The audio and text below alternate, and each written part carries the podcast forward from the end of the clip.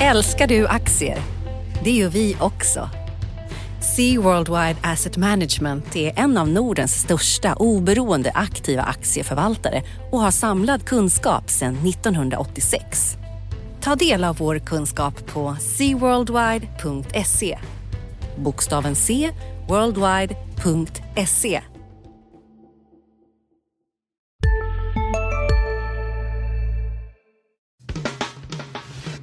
Analyspodden från Dagens Industri. Hej allihopa! Välkomna till veckans avsnitt av Analyspodden, Dagens Industris podd där vi pratar börs och finansmarknad. Eh, och vi kommer att gå igenom vad som har hänt i veckan och vad som är på gång nästa vecka. Och eh, idag täcker vi Sverige brett kan man säga. I Stockholm sitter jag, Martin Blomgren, och på västkusten har jag uppkopplat, hoppas jag, Rickard Bråsa. Är du med mig? Det är jag. Härligt. Hur står det till? Det är efter omständigheterna i vanlig ordning bra. Mm. Hur är du själv? Det är bra tack. Det har hänt mycket spännande bland de bolagen som jag har tagit för vana att bevaka de sista 10-15 åren, så det är roligt. Vi ska prata lite om stora affärer i Atlas och en eh, förmodad stor affär i Sandvik. Vi kan prata lite om eh, Fingerprint och vi ska prata lite, eh, tassa in lite på e-sportområdet tänkte vi. Så att det är väl bara att eh, sätta igång. Om vi ska tjuvtitta lite på vad som har hänt på morgonen här på fredag så kan vi konstatera att Clas Olsson kom med starka siffror för december. Försäljningen steg med 9 procent, eh, vilket var bättre än de väntade 7 procenten och det var ju en trend från, vi känner igen från förra månaden, november, när det också var väldigt eh, bra siffror från Clas Olsson jämfört med förväntningarna och aktien har fortsatt upp. Vilket gläder mig som eh, utdelade en köprekommendation i början på december.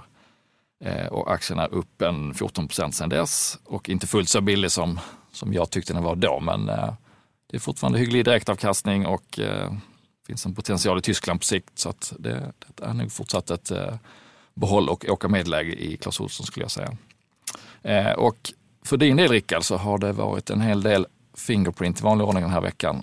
Inte för att det har hänt så mycket i bolaget, men det är ju en del frågetecken kring ägandet runt om. Kan du summera lite den här uh, intressanta veckan? Ja, eh, vi rapporterade ju tidigare i december om eh, att Johan Karlström hade minskat i Fingerprint Cards och han har inte velat kommentera det egentligen och han har inte ens velat kännas vid att det är hans aktier som står på, eh, att de står på Clearstream i Luxemburg i, i då ägarlistan. Eh, och det där har nog ytterligare blivit ett, ett frågetecken eh, i, i bolaget. Och det saknar liksom, det finns ingen, ingen annan storägare på OMX30 som försöker mörka sitt ägande på det här sättet. Så att, ett nytt frågetecken som, som eh, inte är positivt för, framförallt för värderingen då och nog gör att institutionella ägare tvekar på att göra entré i det här mycket spännande bolaget. Mm. Men du har ju även varit inne och snurrat i Fingerprint eh, med några artiklar eh, och haft lite, ska vi kalla det för köpreka på aktien eller vad, Um, vad har du varit? Ja, så långt skulle jag inte dra det, utan det jag skulle vilja säga är att de är ju ett bolag som är lätt fastnar på, på listorna när man gör olika ska man säga, mekaniska genomgångar av vilka bolag som är billiga i förhållande till sin vinst och i förhållande till sin vinsttillväxt.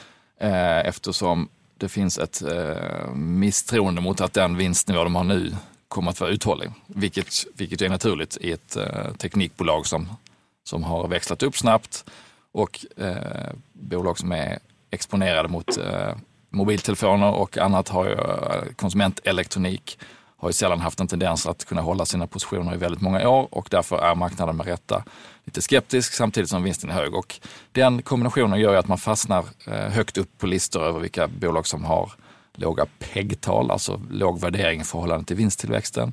Så att det är på, i den typen av instrumentella Eh, ska man säga, analyser så, så dyker de upp högt. Men eh, jag ska inte säga att jag har gjort någon genomgång, fundamental genomgång av bolaget och kommit fram till något köpråd. För att, eh, så, så mycket har jag inte tittat på själva bolaget. Men, men eh, det, jag tycker det är, det är väldigt intressant att de hamnar högt därför att, eh, att göra sådana där eh, genomgångar är ett sätt att försöka ta bort sina egna eh, känslor och sina egna förutfattade meningar. Och, eh, då visar det att det finns, det finns ju potential om de faktiskt kan hålla det de lovar. Sen så är det mycket brus runt om som, eh, som stör den här bilden. Men eh, så är det i alla fall. De hamnar ju högt om de, eh, om de håller den prognosen de lovar. Men det är väl få som vågar tro på den med tanke på vinstvarningen i december. Då, så att, det blir ett spännande år. Men, men, ser, men ser man på konsensus så har det ju, de, konsensus ligger inom det här intervallet även om det är ligger i den undre halvan av intervallet och tittar man på P-tal för nästa 12 månader så är det ju ett ensiffrigt och det, det är ju inte så det jättemånga OMX30-bolag som har det. Eh, det är väl inget annat tror jag eh, som har det i dagsläget. Nej, så det visar ju att även, även om en siffra, om man har en siffra på en, en prognossiffra på en Eh, på ett, en nettovinst så, så, är det ju skillnad på om den siffran gäller ett företag som ICA, där man vet ungefär vad man har väntat mm. sig, eller om det är Fingerprint, där det kan vara 50% mindre eller 50% mer. Så att det finns ju en eh, riskfaktor som inte syns i en enskild siffra och eh, det, det är förklaringen till att, att Fingerprint kanske har ett, det kan vara ett P-tal på 9 eller någonting för, för det här året. De skulle ju haft 15-20 minst liksom, om, om man hade varit säker, hyfsat säker på att de nådde prognosen och att tillväxten skulle fortsätta sen. Men det här är ju inget, tittar man på techbolag jämför man med hur eh, jätten Apple värderas eller så, eh, multiplarna där är ju inte höga ens för en sån, ens för en sånt bol, stort och liksom etablerat bolag som, som Apple och det är samma där amerikanska konkurrent Synaptics eh, har ju liksom inte heller sådana här astronomiska eh, värderingar heller. Men helt klart så ser ju Fingerprint pressat ut mm. på eh, värderingsmässigt är det ju pressat. Det är, det, är ju, det är nog ingen som argumenterar emot det. Sen liksom, vad, vad, vad, resultatet ska bli i slutändan, hur långsiktiga rörelsemarginal, vad den kan ligga på, så är ju en öppen fråga. Men det är, jag, jag skulle säga att det är nog det mest spännande bolaget också på grund av det, eh, av storbolagen. Eh, och de har gjort en oerhört bra rekrytering i, i deras VD som, eh, som jag tror är helt rätt och kommer vara mycket intressant att se vad han eh, kommer att åstadkomma där. Jag skulle inte sätta mina pengar emot honom i alla fall, Nej. kan jag nog säga. Ja, bara, det vet det... man aldrig, för det är, det är så många rörliga delar i det, i, i det spelet så det är ja. helt omöjligt att veta långsiktigt var det kommer att landa. Bra. Nej, men man kan ju säga att det är väldigt tudelad eh, värderingshierarki eh, i techsektorn. För att precis som du säger så är Apple traditionellt lågt värderat eftersom de här ses som ett eh, konsumentelektronikbolag med iPhone som, som den stora drivaren. Medan bolag som eh, Amazon då kan ha en astronomisk värdering sett till, till vinsten eftersom de har byggt upp ett, ett ekosystem och en distributionsnät som, som de eh, inte tar tillräckligt betalt för idag. Men man, man man bettar ju på att de kommer vara så stora och kunna utnyttja det här längre fram. Så att där, kan man, där kan man skicka upp värderingen jättehögt. Så att det är verkligen två olika läger. Har man produkter som kan, som kan ha teknikrisk så är det låg värdering. Har man ett ekosystem som kommer vara beständigt så kan man betala mycket, mycket mer. Eh, och eh, ja, någonstans däremellan ligger väl sanningen för att alla kommer inte lyckas med eh, varken i det, i det ena eller det andra läget. Fortsättning följer. Ska vi växla över till eh, verkstadssektorn en stund? Det gör vi. Det är ett område som vi emellanåt har sprungit på varandra också i. Mm. Eh, vad, vilken av de här två affärerna som vi har skrivit om i veckan, eh, Atlas försäljning, väntade försäljning av Dynapack och eh, Sandviks börsnotering av SMT, vilken, vilken av dem skulle du säga är minst överraskande?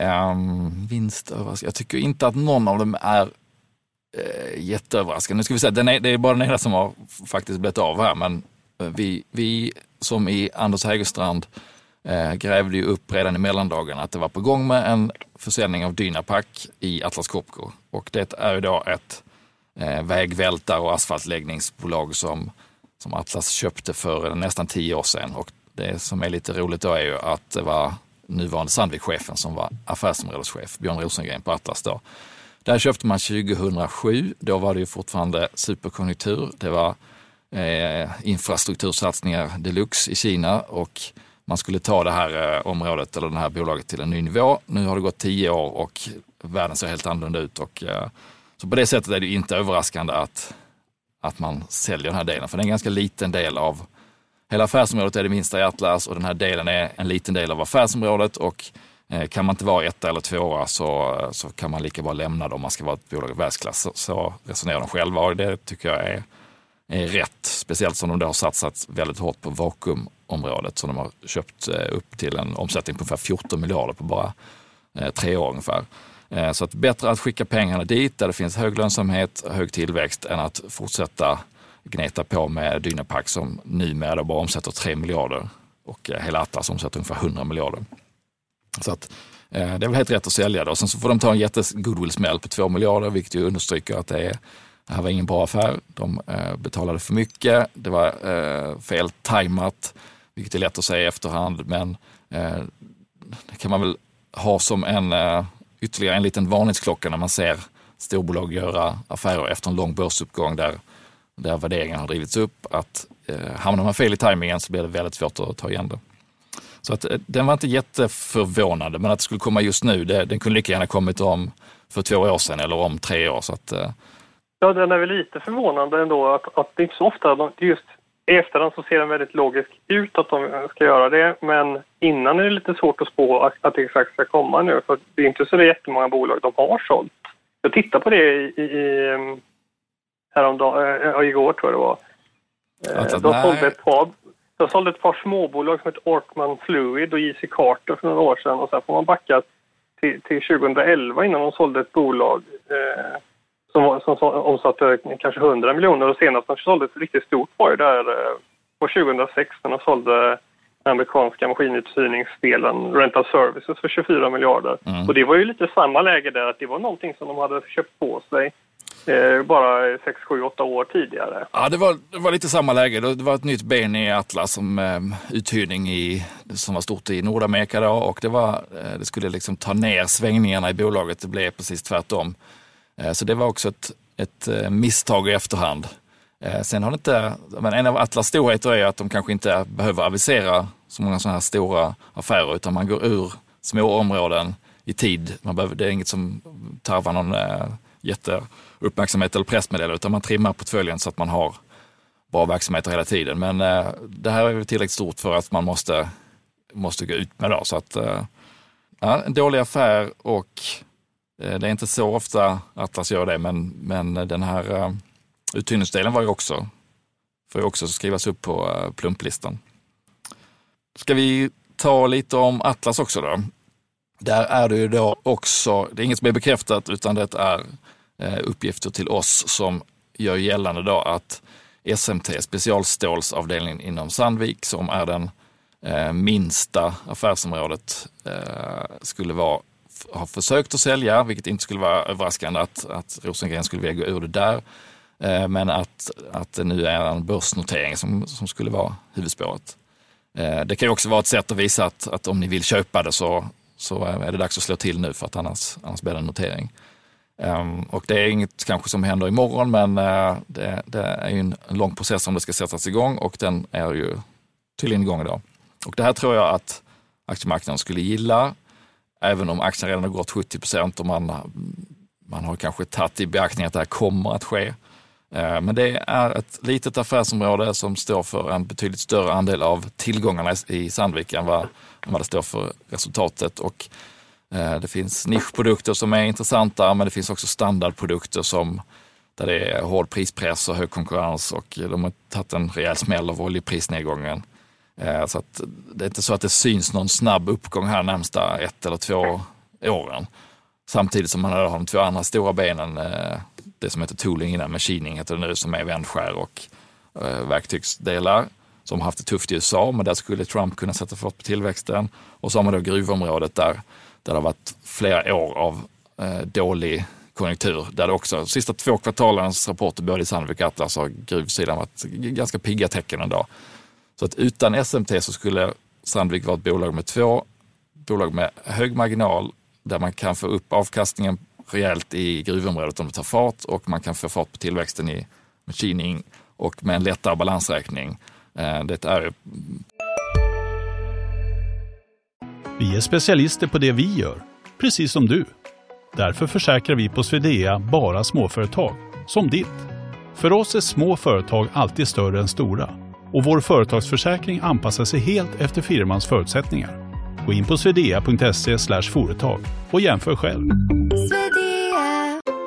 Sista dagarna nu på vårens stora season sale. Passa på att göra sommarfint hemma, både inne och ute och fynda till fantastiska priser. Måndagen den 6 maj avslutar vi med Kvällsöppet i 21. Välkommen till Mio. Precis vad analytikerna har drömt om. Sen är det bara frågan då hur mycket av de här 70 procentiga kursuppgången senaste året har redan uh, tagit ut potentialen. Det mesta skulle jag säga. Ja, men den här affären ser jag ju mycket mer, det är en sån som har ältats verkligen. Tycker jag. Alltså, det är inte första gången man... Nej, det är inte. Redan när Olof Faxander tog över som vd så fick de ett ganska tydligt ultimatum. Att avkastningen skulle upp, eh, rörelsemarginalen upp och kapitalbindningen ner. Och eh, sen satte de igång ett stort åtgärdsprogram och sen eh, när de hade kapitalmarknadsdag i USA för vad blir det, drygt två år sedan, så då menar han att nu har de bevisat sin plats för de hade gjort ganska eh, stora förbättringar och de skulle vara kvar som ett affärsområde. Det var beskedet då. Och sen när Björn Rosengren har tagit över som vd så har han haft eh, ganska fullt upp med andra delar. Man har sålt Mining Systems till exempel, en projektverksamhet inom gruvsidan. Eh, gjort om affärsområdesstrukturen eh, och huvudnumret är ju att man har tryckt ut ansvar längre ut i organisationen, mindre toppstyrning, eh, Atlas-modellen. Eh, så att han har ju haft ganska fullt upp med det och kanske väntat med att ta den här stora frågan fram till nu då. Men eh, nu är det väl dags att ta beslutet om SMT ska vara kvar eller inte på allvar. Mm. Men och, och, och, om liksom Sandvik då ska atlasieras mm. så var väl SMTs vara hängde väl ganska, alltså det var ju väl en, det kommer vara en nödvändig sak i så fall. Och, Ja, för det är precis, det är inte, SMT är ju lite ax från limpa sådär att man tar, man har hela kedjan vilket innebär att man, man har stor tillverkning själv och det är höga kapitalkostnader medan Atlas eh, är att ha en light balansräkning. Man tillverkar inte så mycket själv utan man sätter det samman det och man fokuserar på det som är, där man skapar mest värde och eh, då, då får man en bättre avkastning på kapitalet. Och i, det, i ljuset av det så skulle ju en en avyttring eller notering av SMT passa väldigt bra. Det som gör det lite speciellt med SMT är ju att det, det är ju där eh, Sandviken en gång grundades. De har väldigt stor verksamhet uppe i Sandviken och eh, det gör att det är eh, mer känsligt eller ett större beslut än om man skulle eh, börsnotera en, en verksamhet som, som inte hade så många anställda i Sverige och som inte hade den kopplingen till Sandviks 150-åriga historia. Utan då skulle det vara ett mer okänslosamt beslut. Här, här kommer ändå det in i spel. Man vill naturligtvis att det ska bli så bra som möjligt för de som, är, som är kvar i, i SMT och att det ska hamna i, i goda händer. Så att det, det, är flera parametrar i det här, men en, en börsnotering skulle på ett ganska elegant vis lösa mm. det. Då, då är de kvar som ett eget bolag och eh, det är inte så att man har eh, sålt dem till någon riskkapitalist som gör eh, som tar fram den stora kniven utan det, det får de på egen hand hantera. Så att, ja, det, skulle vara intressant, det skulle vara intressant att se vad de får för värdering och hur de skulle kunna på egen hand styra om strategin. För det är ju som alltid om man står för en tiondel av en koncern så är det ju kanske svårt att få gehör för alla idéer och få, eh, få kapital till de satsningar man vill göra. Så det skulle vara intressant att se på egna ben, men det är naturligtvis resten av Sandvik som skulle gynnas initialt mest värderingsmässigt för att då skulle man slippa ha den här fotbojan med en hög kapitalbindning. Mm. Så att eh, Sandvik ska atlasifieras och eh, lite trycket uttryckt så ska, eh, så ska Atlas helt enkelt avrosengrenifieras när de säljer dina pack. Det är, det är så det blir. Ja, det, jag tror inte man ska lägga in så mycket där med Rosengren. Eh, i, i Atlas-delen, skulle inte jag göra i alla fall. Alltså det, om man sitter och tar beslut för vad en affärsmålschef för tio år sedan gör, om man vill använda det liksom som argument för att göra tre miljarders affärer, då ska man inte sitta i ett stort börsbolag, då får man hålla på med något annat tror jag. Så, att, så jag skulle inte lägga in så stor eh, värdering i, i, att det just var han som köpte det. Det är ju, det är ju kul och det är intressant. Och, det är ett lustigt sammanträffande är det. Ja, det är ett lustigt sammanträffande. Men eh, det kunde lika gärna varit någon annan som gjorde den där affären. Det är inte så att, han, att man köper ett bolag för 6 miljarder utan att ha eh, koncernchefens medgivande. Så att, eh, Och det var, då var det inte Ronny Leten heller, utan det var Gunnar Bock som var vd på Atlas på den tiden. Ska vi lämna verkstadssektorn en stund och eh, prata lite om e-sport. Vad kan du om e-sport? Det lilla som du har berättat för mig, det är väl bäst att du tar det för lyssnarna här. Vad är det för någonting egentligen? Ja, e-sport är vad MTG hoppas, eh, mediebolaget MTG hoppas är deras nya tillväxtben. Eh, och det är redan ett tillväxtben, men det beror på att de har köpt på sig väldigt snabbt då en, eh, flera bolag i ett affärsområde som de kallar för MTGX. Och e-sport är ju då eh, eh, sport, säger vissa. Eh, absolut inte sport, säger många andra i min ålder och uppåt. Det är ju att man sitter och spelar dataspel mot varandra i turneringar. Eh, men det som jag tycker är, det är intressant därför att det är inte längre en liten nisch. Det har det inte varit på länge, men det är alltså mångmiljonpublik, hundratals miljoner som sitter och tittar när andra spelar. Och där många sitter och tittar så finns det ju naturligtvis annonsintäkter. Det finns sponsorintäkter från speltillverkarna som vill synas i rätt sammanhang och det finns, eh, det finns tv-intäkter och man kan sälja de här rättigheterna vidare. Och det som är spännande med MTGs satsning tycker jag är att de har varit ganska tidigt ute här. De, de har köpt upp då något som heter eh, MSL som är eh, ligan, en av ligorna där man spelar eh, dataspel och de har det som heter DreamHack som är mer av en festival, eh, datafestival. Så att de har, om man skulle göra fotbollsjämförelser, de har liksom både blåbärsligorna och eh, eh knatteligorna och ända upp till Champions League med höga prispengar och försöker då sätta en, en, ett varumärke och en struktur där man äger det som är Champions League och sen så kan man då plocka in sponsorintäkter från de som vill synas i det här sammanhanget. Man kan ta in avgifter på arenorna, som, där man fyller i arenor där de sitter och spelar det här. Eh, och det finns ju från början då väldigt mycket direkt kopplat till dataspel. De som sponsrar, alltså Intel har, är en stor sponsor och eh, andra som är kopplade till datorer. Men nu upptäcker ju de andra stora bolagen som Coca-Cola och Mastercard och de här att, att här har vi en grupp på ofta män då, som är 15 till 35 som, som är ganska kapitalstarka, som inte sitter och läser så mycket papperstidningar, som inte sitter och tittar på tablå-tv som vi inte når någon annanstans. Men här kan vi nå dem och eh, i en siffra som, som jag tog med i min genomgång var att i USA då, i den här åldersgruppen bland män så är det lika många som tittar på e-sport regelbundet som tittar på baseball och ishockey. Eh, samtidigt som intäkterna man får från de här personerna idag är väldigt, väldigt mycket lägre än på andra sporter. Så att, eh, caset är ju egentligen att e-sport blir, hela ekosystemet kring e-sport blir mer likt eh, traditionell sport, även om det aldrig kommer kanske komma upp i samma, samma intäktsnivå per tittare.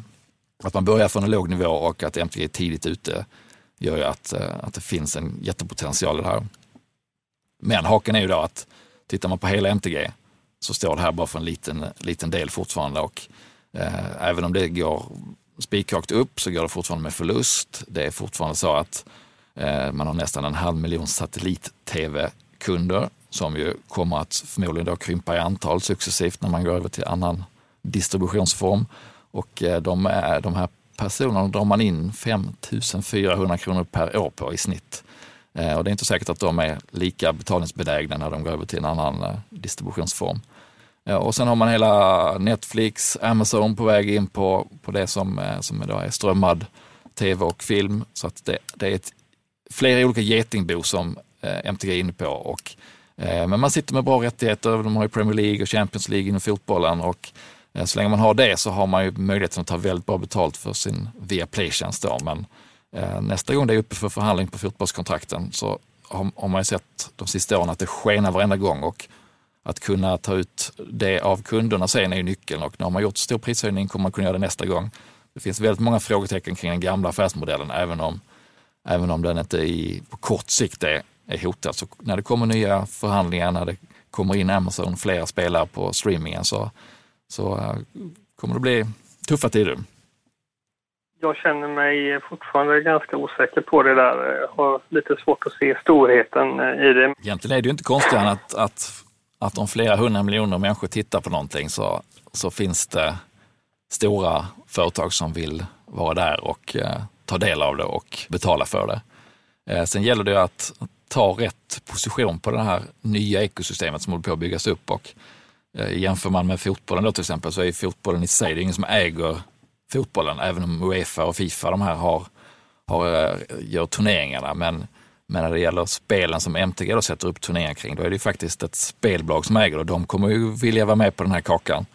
Eh, så att de kan ju starta egna turneringar eh, och det finns det finns de här kanalerna som sänder det, Twitch som Amazon faktiskt köpte för några år sedan. Eh, de vill ha en del av det så att det, det är ett ekosystem som inte har satt sig. Man vet inte vem som kommer vara den stora vinnaren när det väl eh, har avgjorts. Så att eh, det är ett tidigt skede men så här långt tycker jag ändå att MTG har gjort rätt som har satsat stort och gått in på det. Eh, alternativet att komma in sent, om man är så pass liten som MTG är i det här stora formatet, tror jag inte är något alternativ. Utan ska man vara med så ska man, måste man vara med nu om man, inte, om man inte har de musklerna som de amerikanska jättarna har.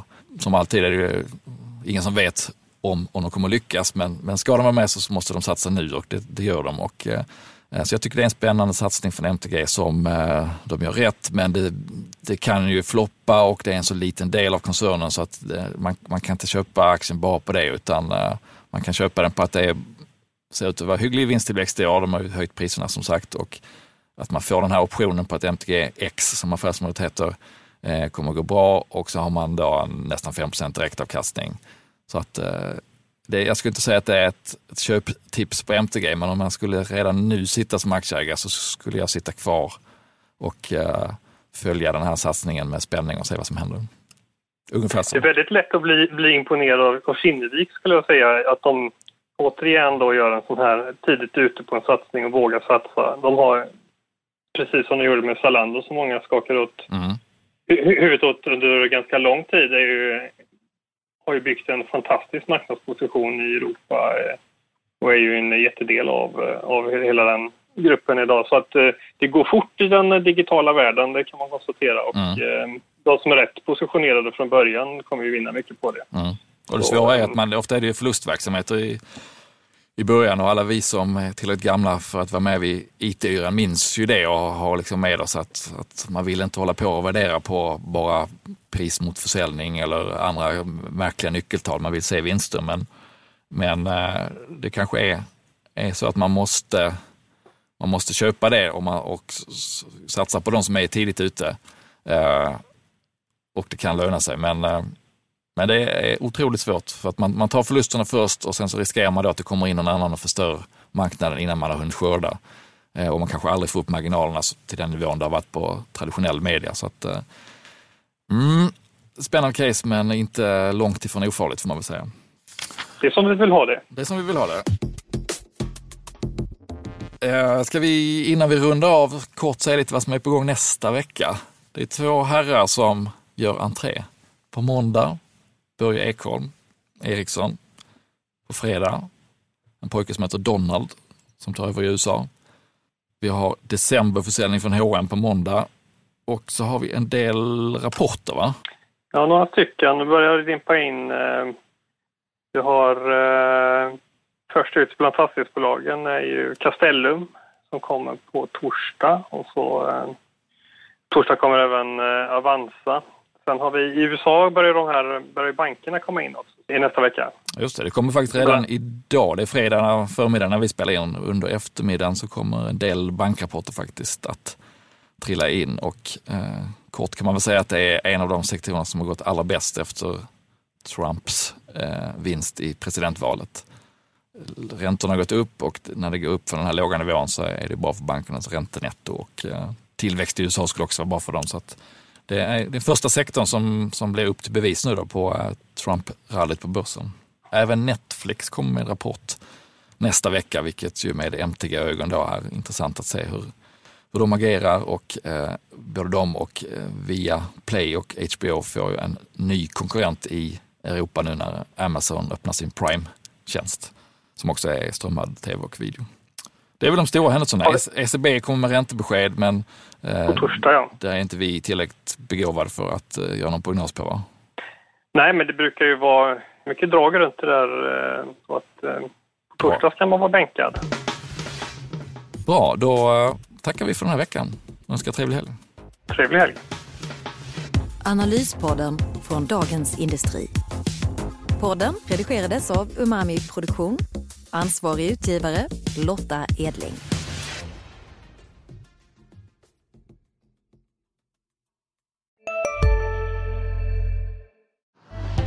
Älskar du aktier? Det gör vi också. Sea Worldwide Asset Management är en av Nordens största oberoende aktiva aktieförvaltare och har samlad kunskap sedan 1986. Ta del av vår kunskap på seaworldwide.se Bokstaven C, worldwide.se